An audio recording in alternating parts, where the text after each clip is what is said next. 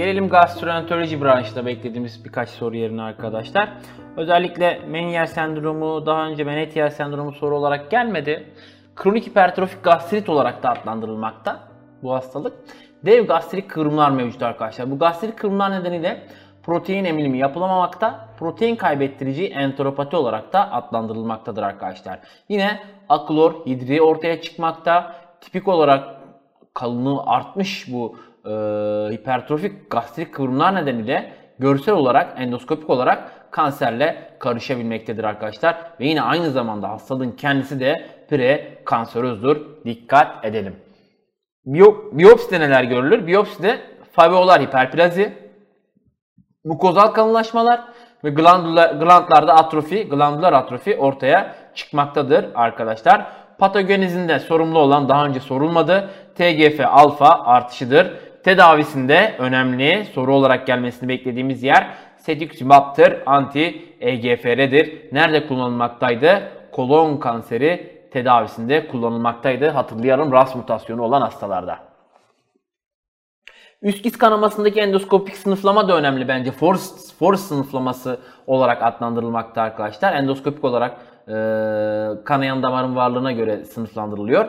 Özellikle yeniden kanama, cerrahi gereksinimi veya mortalite riskinin değerlendirilmesini sağlamaktadır bu force sınıflaması. 1A kanayan damar, 1B sızıntı şeklinde kanama, 2A görünür damar, 2B yapışık taze pıhtı, 2C pigmentasyon, 3 ise temiz tabanlı ülseri tariflemektedir. Arkadaşlar dikkat edelim soru değeri önemlidir buraların. Yine mide kanserlerinin tipleri önemli arkadaşlar. İntestinal ve difüz tip vardır. Özellikle daha sık olarak görülen intestinal tiptir ve daha ileri yaşta ve erkeklerde daha sık olarak görülmektedir. Tipik olarak midenin antrum kısmını distal mideyi tutmakta ve ülsere kitle tarzı bir görünüme neden olmaktadır intestinal tip. İyi diferansiyedir ve glandlar mevcuttur mikroskopisinde. Özellikle Helicobacter pylori ile ilişkili tipi intestinal tip mide kanseridir arkadaşlar. Prognozu da iyidir. P genetik olarak da P53'te delesyon ve COX-2'de overekspresyon beklenmektedir arkadaşlar. Difüz tip ise genç ve genellikle bayan oluyor ama erkekle kadın daha eşitlenmekte. Yine distal değil proksimal midede ortaya çıkmakta. İsminden de anlaşılacağı gibi difüz ve infiltratif bir yayılım yapmakta. Linitis plastik olarak da adlandırılmaktadır makroskopik olarak görünümü. Yine mikroskopik olarak kötü diferansiyedir. Glandlar yoktur arkadaşlar ve taşlı yüzük hücresi tipiktir. Daha önce patoloji soru olarak gelmiştir. Yine Helicobacter pylori ile ilişkisi yoktur bu difüz tipin. Tipik olarak soru potansiyeli yüksek bir yer. Ekaderin kaybı mevcuttur. Difüz tip mide kanserlerinde prognozu kötüdür. Çünkü erken metastaz yapmaktadır arkadaşlar. Çölyak hastalığı da soru değeri yüksek olan bir yerdir. Özellikle çölyak non-tropikal şüphe hastası tanısı konulan hastalarda ilk olarak yapılan ilk tedavi seçeneği nedir arkadaşlar? Glutensiz diyettir. Glutensiz diyete cevap sıralaması önemli. Yaklaşık %80-90 hasta zaten cevap vermekte. Bu cevaba sıralamada önemli. İlk olarak semptomlar iyileşiyor. Daha sonra laboratuvar bulguları, son olarak e, seroloji ve en son olarak da histoloji düzeliyor. Dikkat edelim en son düzelen histolojidir. Ancak yaklaşık %10 ila 20 hastada glutensiz tedaviye yanıt alınamamakta. Bunun en sık nedeni ise diyete uyumsuzluktur. Soru değeri taşıyan yer burasıdır. Ve yine bu hastalarda özellikle ne düşünmeliyiz? Lenfoma gelişmiş olabileceğini düşünmeliyiz. Kilo kaybı ve ateş eşlik ediyorsa.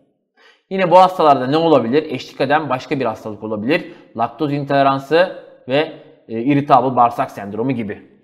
Yine hastalar e, glutensiz diyete yanıt vermiyorlarsa refrakter çölyak adını alabilirler.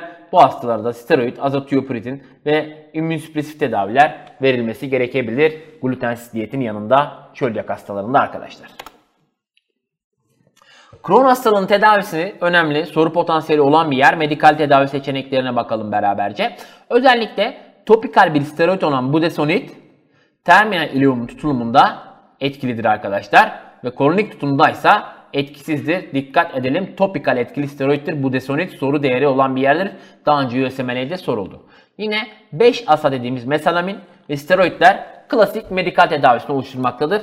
Crohn tedavisinin. Yine azotiopirin, 6 merkaptopirin ve metotrexat da dirençli vakalarda kullanılmakta. TNF-alfa blokerlerden infliximab kullanılabilmekte. Özellikle soru olarak gelmesi beklediğim yer burada natalizumab'tır. Anti-integrin antikor olarak da geçmekte ve özellikle progresif multifokal lokoensefalopati riskini arttırabilmektedir natalizumab arkadaşlar. Bir diğer önemli anti-interleukin 12-23 antikoru olan üstekinumab da, üstekinumab da Crohn hastalığı tedavisinde kullanılan akıllı ilaçlardır arkadaşlar. Dikkat edelim. Gastrodan soru gelmesini beklediğim başka bir yer pankreas kistleri. 3 farklı tipi var arkadaşlar. Özelliklerine göre sınıflandırılan. Seröz kist adenom arkadaşlar yaklaşık e, 6. 7. dekat sonrasında kadınlarda ortaya çıkan endosonografisinde kalsifiye santral bir skarın varlığı tanıyı koydurur hemen hemen. Yine mikrokistik bir e, görünümü vardır ve bal peteği görünümü vardır seröz kist adenomların arkadaşlar. Kist sıvısı analizinde CA çok düşüktür. Amilaz düşüktür. KRAS negatiftir. Ve GNAS negatiftir arkadaşlar. Malinite riski bu yüzden düşüktür. Dikkat edelim. Ne yapıyoruz seröz kist adenomlara? İzlem yapıyoruz. Müsinoz kist adenomlar ise yaklaşık 5. dekat döneminde kadınlarda görülür. Endosonografisi iyi sınırlı makrokistik lezyonlarla karakterizedir. Tipik olarak malinite riski yüksektir. Neden? CA yüksek. KRAS pozitif. GNAS ise negatiftir. Amilazda düşüktür. Müsinoz kistik neoplazmda arkadaşlar. Tedavisi müsinoz saplandığında cerrahidir. Intraduktal papiller musinoz neoplazm olarak adlandırılan IPMN ise önemli bu. Her ikisi arasındaki bir geçiş evresi gibi düşünülebilir bu. Müsinoz ve seroskist adenomların. Özellikle 6 ile 7. dekat arasında erkek ve kadında eşit olarak görülmekte. Pankreas kanalları dilate olarak saptanmaktadır. CA değeri yüksektir.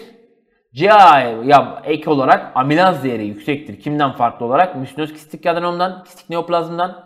Yine bu hastalarda da KRAS pozitiftir ve müsinoz kistik neoplazmdan farklı olarak da GNAS da pozitiftir arkadaşlar. Intraduktal papiller müsinoz neoplazmda IPMN olarak da adlandırılmakta. IPMN soru olarak gelmesini beklediğim yerdir arkadaşlar.